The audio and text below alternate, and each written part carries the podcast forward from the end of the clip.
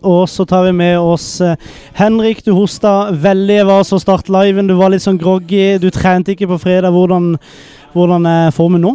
Hei, eh, både sliten og litt nedbrutt etter den kampen. Eh, det var ikke det vi ønska å prestere i dag, dessverre. Så ja, vi går hjem litt hostende og litt deppa i dag. Det gjør vi. Det tror jeg egentlig jeg òg gjør. Men hva, er som, hva, er det som, går galt i dag? Holder nullen? Vil du si at da det kanskje er det offensive som ikke makter helt i dag? Ja, både òg. Jeg syns vi Det er en rufsete kamp, egentlig. Det har vært spesielt offensivt. at Vi, vi får mye brudd og vi, vi, klarer aldri å bygge opp til de store sjansene. så Veldig oppstykka i, eh, i, måten vi spiller fotball på. så det, det, er litt ødeleggende, og det ødelegger veldig hele trykket. Det gjør det. Var det rett og slett direkte opprykk som, som røyk i dag, tror du?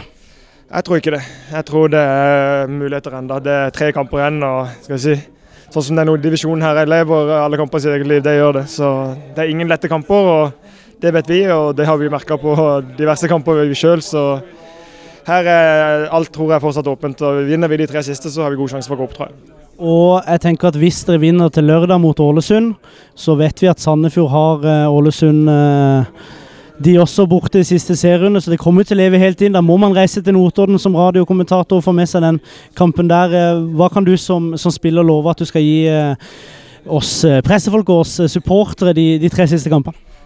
Nei, Bedre enn i dag. Skal jeg love det skal være mer, litt mer trøkk og litt bedre offensiv flyt. Vi ønsker å gjøre de riktige tingene, men vi får det ikke til. og Det skal vi, det skal vi jobbe knallhardt for å ta de siste tre kampene.